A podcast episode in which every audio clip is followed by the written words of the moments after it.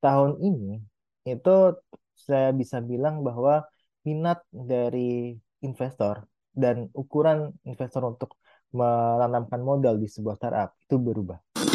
Tahun kemarin merupakan puncak dari uh, investasi startup digital di Indonesia, mencapai 145 triliun.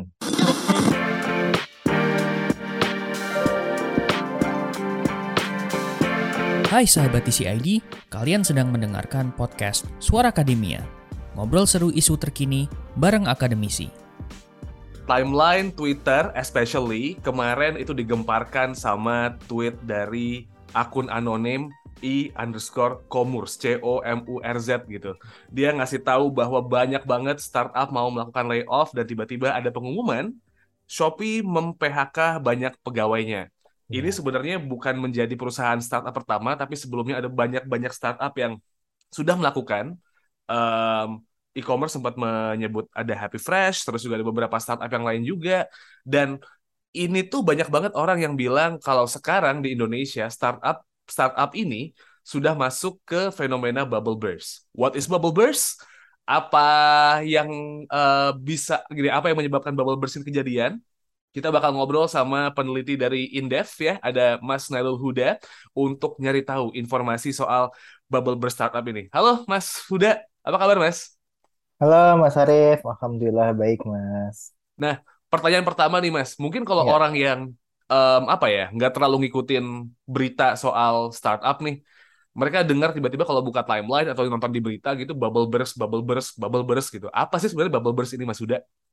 Iya bubble burst ini memang kayak semacam apa Mas ya analoginya adalah ketika kondisi di mana startup ini terlampau panas gitu mm -hmm. jadi mereka panasnya sangat cepat sekali tapi dia nggak mempunyai ketahanan uh, atau sustainability ya dari okay. kondisi tersebut akhirnya yang menjadikan ya mereka jatuhnya terlalu dalam gitu. Mm-hmm. Nah sebenarnya kan fenomena bubble burst ini kan dia sudah ada ya sejak dulu kala ketika kita pasti kalau masyarakat yang dia di tahun 90-an gitu ya udah mengikuti mengenai fenomena internet gitu kan. Hmm. Nah, ini kita juga ada pernah ngalamin ya yang namanya .com bubble burst. Jadi istilahnya adalah banyak sekali internet ketika ditemukan, banyak sekali masyarakat yang membuat ya mungkin masarif.com hmm. atau dan sebagainya dan dia berawalan dari uh, meningkatnya pengguna internet gitu. Hmm. Nah, akhir dari itu tahun 2000 uh, 2000-an awal ya atau hmm. 90-an akhir itu bisa dibilang bahwa itu adalah uh, akhir dari maraknya munculnya .com.com atau situs-situs internet yang saat itu merajalela gitu dan akhirnya mereka tutup satu persatu. Nah, ini juga sama. Nah, ini hmm. kan kalau kita lihat datanya Mas Sarif ya, itu startup di Indonesia itu sangat-sangat uh, besar gitu. Mm-hmm. Ada berapa ribu gitu kan uh, startup di Indonesia yang di mana itu perkembangan saat pandemi itu sangat cepat sekali. Jadi hmm. kalau kita lihat data pandemi ini memunculkan banyak sekali startup-startup baru yang which is itu sebenarnya bagus gitu ya. Hmm. Itu membuka uh, lapangan pekerjaan baru dan sebagainya. Namun demikian karena dia sifatnya terlalu cepat panas, ini yang saya bilang bahwa ya kalau turun juga juga uh, cepat gitu loh. Hmm. Nah, ini yang yang saya rasa salah satu indikator ataupun bagaimana masyarakatnya melihat fenomena beberbes ini seperti apa. Jadi istilahnya ya terlalu cepat panas pasti uh, turunnya akan uh, tajam dan cepat juga akan menggulung berbagai uh, startup. Oke, jadi intinya cepat take off, cepat turunnya ya, gitu ya Mas ya, gampangnya ya? Ya, kayak gitu. Oke, nah penyebabnya apa aja nih Mas? Karena kan okay. uh, kalau orang awam kayak saya nih gitu, paling lihatnya startup ini kalau gaji pegawai gede-gede banget kayak jadi yeah. akhirnya semua orang pengen pindah ke startup gitu yeah. apa aja penyebabnya Iya mas uh, mas Arief jadi mungkin saya akan mulai cerita dulu ya hmm. mengenai karakteristik tiga aktor utama di industri digital hmm. gitu yang pertama adalah dari sisi platform ya kan? Dari sisi platform, platform ini adalah aktor di mana mereka yang menciptakan aplikasi, mereka yang menciptakan website gitu, mereka yang menciptakan sebuah uh, bisnis digital. Nah, platform ini untuk sampai saat ini sangat ketergantungan karakteristik di Indonesia ya dan hmm. mungkin di di uh, negara lainnya gitu. Hmm. Platform ini atau aplikasi ini sangat ketergantungan dengan yang namanya pendanaan. Oke. Okay. Ya kan? Nah, pendanaan ini uh, kalau saya bilang ya mereka kalau misalkan sudah di tahap uh, awal hmm. ketika bootstrapping bootstrapping mereka uh, menggunakan modal sendiri. Tapi ketika mereka sudah mau membesar, mau untuk melangkah lebih maju, mereka butuh pendanaan. Nah, hmm. makanya uh, pendanaan ini adalah penting bagi startup. Itu yang pertama. Ya. Nah, bagaimana caranya memperoleh pendanaan? Ini kan. Salah satu jalannya adalah melihat nilai valuasi. Mm-hmm. Nilai valuasi ini yang kalau saya bilang bisa diukur dari jumlah pendownload, jumlah pemakai dan sebagainya, pemakai dari aplikasinya ya. Mm-hmm. Nah, uh, semakin besar mereka dipakai uh, sama orang, semakin besar downloadernya dan semakin besar penggunanya, nilai valuasi mereka akan bertambah. Ya. Nah, ini berhubungan dengan aktor yang kedua, yaitu adalah konsumennya. Mm-hmm. Nah, konsumen di Indonesia, Mas Arif ya, itu saya masih berpikiran konsumen digital di Indonesia ini adalah uh, price oriented consumer. Mm -mm. Jadi apa yang paling murah itu yang akan digunakan. Betul. Kita tahu lah pasti uh, fenomena red hailing pertama kali perang harga diskon sampai hanya bayar seribu untuk uh, eh, kita, mengantarkan kita dari satu tempat ke tempat lain itu sangat gila sekali dan uh, itu memang didasarkan pada konsumen kita yang price oriented consumer yeah. bahkan sisi beda seribu aja tuh pasti udah uh, berpikiran oh ini aja saya uh, lebih murah seribu gitu kan mm -hmm. nah uh, akibatnya perusahaan itu berlomba-lomba untuk semakin banyak menjaring dengan uh, strategi bakar uang. Mm-hmm. Makanya kita mengenal strategi bakar uang uh, the money itu uh, ketika awal startup berdiri itu pasti mereka the money gitu. Nah, mm.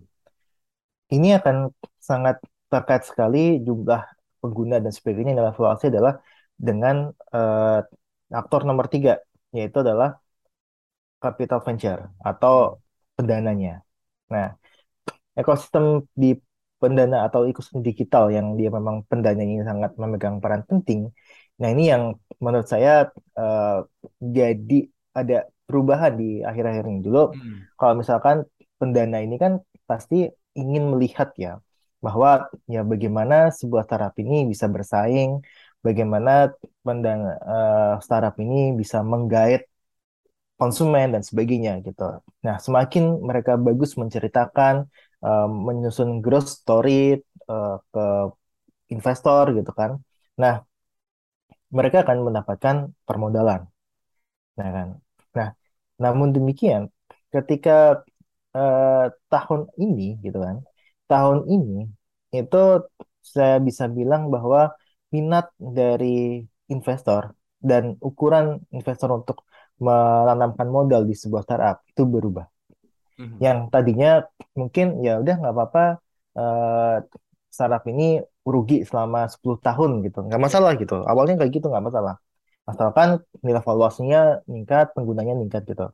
Nah, saat ini dengan kebijakan The Fed yang terus menaikkan harga, kemudian yang menyebabkan istilahnya itu adalah uh, cost of fund-nya itu naik gitu kan.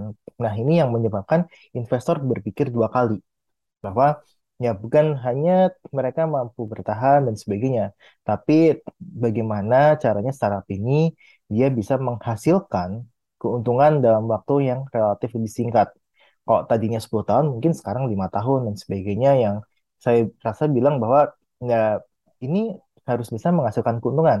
Nah, inilah uh, salah satu karakteristik yang berubah dari investor gitu. Jadi hmm faktor ketiga ini sangat penting. Nah, ketika pendanaan ini nggak ada, terus kemudian si startup ini nggak mendapatkan uang, bagaimana caranya mereka menghasilkan atau bisa menggait konsumen sebanyak-banyaknya melalui burn the money gitu kan. Mhm. Nah, ak- akibatnya ya mereka ketika pendanaan seret ya mereka otomatis masih harus burn the money dan kemudian mereka akhirnya melakukan efisiensi. Salah satunya adalah dengan uh, mem-PHK karyawannya gitu. Nah, startup yang mulai uh, berubah haluan ya, Mas Arif itu memang satunya SoftBank ya, yang Hmm. kemarin rugi besar gitu kan, bahwa startup yang didanain itu belum menghasilkan keuntungan bagi uh, investornya gitu. Nah, ini yang menurut saya bisa berubah nih dan jangan uh, salah Mas Arif.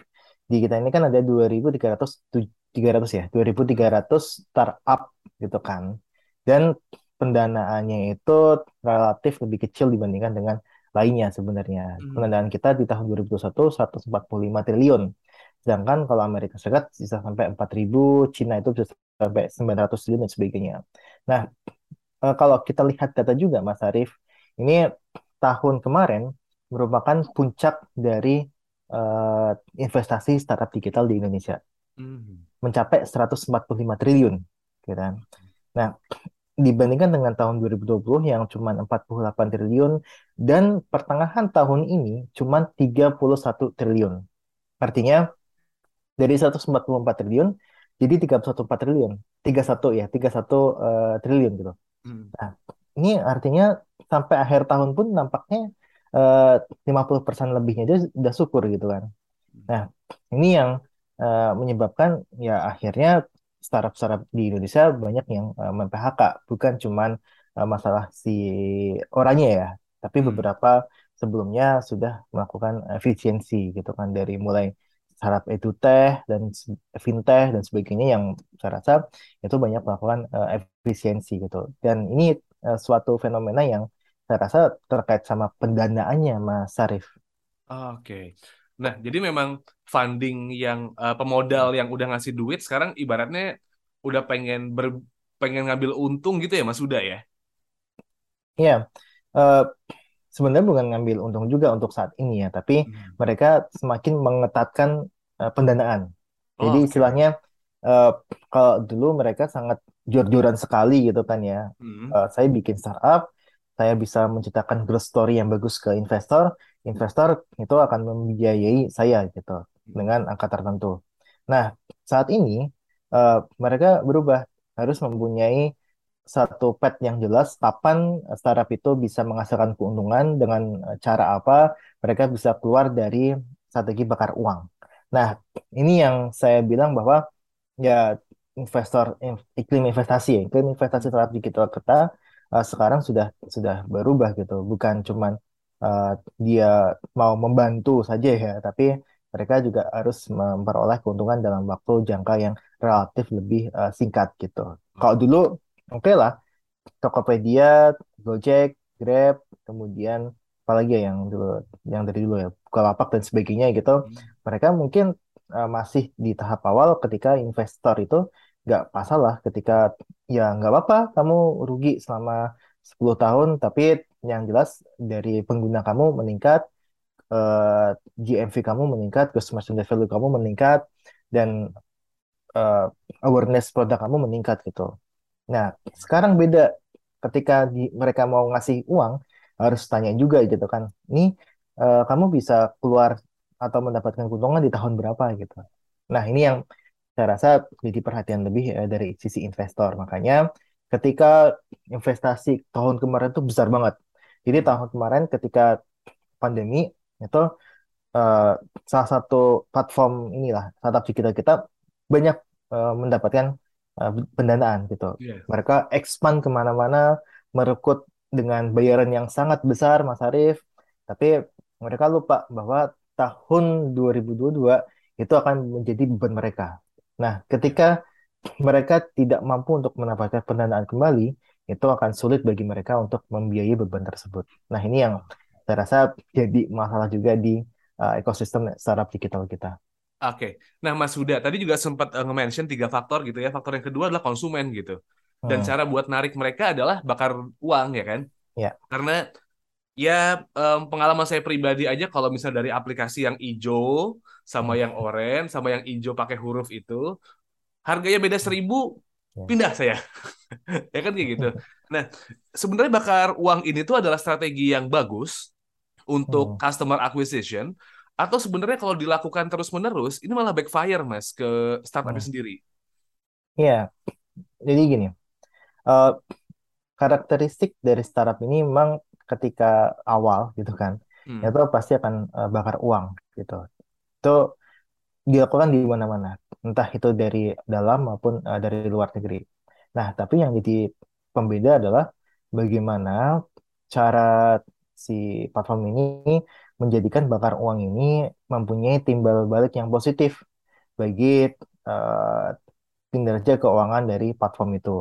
Nah, saya ambil contoh dua dua ini ya, Mas Arif ya. Ini nggak apa kan ya sebut eh, merek ya? Nggak apa nggak apa, coba coba deh, pengen tahu. Iya, Hmm. ya. Jadi eh, kita saya mengambil dua dari eh, luar. Hmm. Satunya itu adalah Grab, satunya adalah eh, Shopee gitu. Nah, Grab pada laporan tahun ini menunjukkan bahwa untuk marketing eh, marketing eh, bukan marketing fee ya, apa ya istilahnya ya, Eh, belanja marketing lah Hmm. dalam bentuk promo dan sebagainya itu meningkat gitu. Nah, namun diiringi juga dengan kerugian yang menurun. Oke. Jadi ketika dia membakar uang dengan jumlah yang banyak, dia nggak memberikan satu individu itu dia eh, dengan eh, bakar apa promo yang besar gitu, tapi Hmm. mereka memperluas pasarnya. Jadi banyak yang eh, menggunakan, kemudian akhirnya eh, pendapatan mereka tumbuh dan tumbuhnya lebih besar dibandingkan dengan eh, beban mereka. Oke. Makanya kerugian bisa ditekan.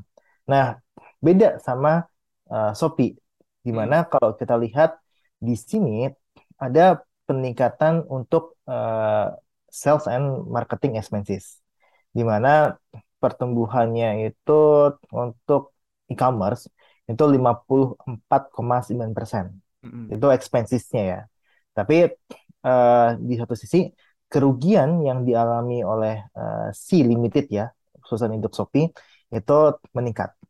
Oke. Jadi kerugiannya eh, biaya marketingnya meningkat, tapi nggak mampu menekan kerugian gitu. Hmm. Nah, dari dua hal ini aja eh, sebenarnya ini ya, bisa kita lihat bahwa ya bakar uang sih nggak masalah, asalkan bisa menekan eh, dari kerugian Hmm. gitu. Ini yang yang menarik nih, eh, Mas Syarif, di mana ya setiap startup pasti mempunyai strategi yang berbeda ya dalam bakar uang ya. Dan ini saya rasa eh, bakar uang nggak masalah selama mereka masih mampu menunjukkan kinerja yang positif dari sisi eh, keuangan. Oke.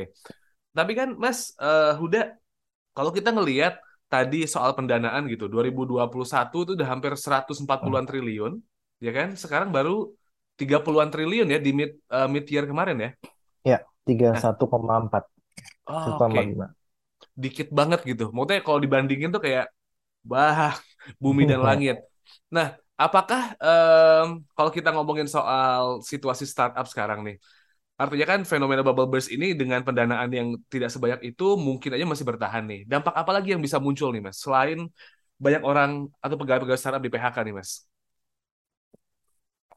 Ya, eh, kalau melihat dampaknya memang paling kerasa itu adalah di fintech P2P lending, Mas Sarif. Hmm. Jadi kalau kita lihat dari data itu jumlah fintech P2P lending itu menyusut drastis. Per Januari tahun 2020 untuk jumlah fintech P2P lending itu mencapai 160-an eh, fintech P2P lending.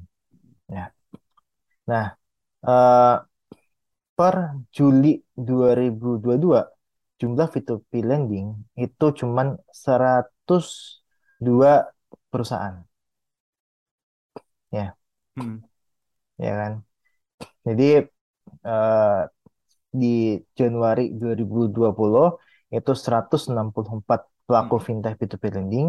Oke. Per Juli 2022 jumlahnya menyusut serat, sampai hingga hanya 102 pelaku fintech P2P lending. Oke. Jadi itu eh, bisa dibilang ya fintech P2P lending akhirnya banyak yang nggak mendapatkan pendanaan dan Hmm. tadi saya lihat eh, data untuk investasi di fintech P2P lending itu menyusut tajam gitu dan tahun kemarin pun ternyata kalau kita be- bedah satu-satu ternyata pendanaan fintech P2P lending yang meningkat itu hanya di eh, fintech P2P lending tertentu nggak semuanya mendapatkan pendanaan. Nah, bagaimana caranya eh, persaingan yang begitu ketat, kemudian mereka butuh pendanaan untuk burn the money, untuk menggait konsumen, tapi mereka nggak mendapatkan pendanaan.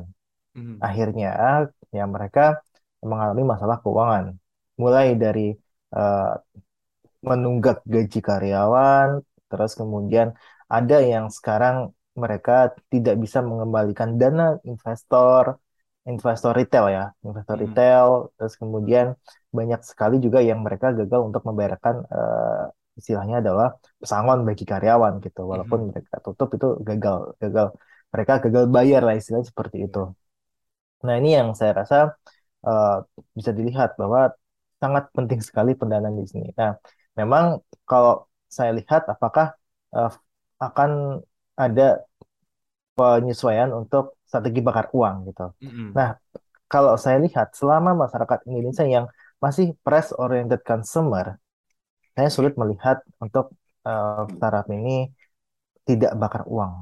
gitu. Ya. Jadi ya pasti mereka masih eh, akan bakar uang yang dikorbankan adalah efisiensi di perusahaannya. Karena price oriented consumer, Mas Arif, kita Ya, itu agak-agak anu ya, agak-agak tricky ya kalau udah price oriented customer gitu ya. ya Gimana caranya buat bertahan gitu. Baik Mas Huda, ada yang ingin disampaikan lagi kah Mas? Mungkin pengen ngeresum eh, obrolan kita sore hari ini Mas. Silakan, monggo. Iya, iya Mas Arif.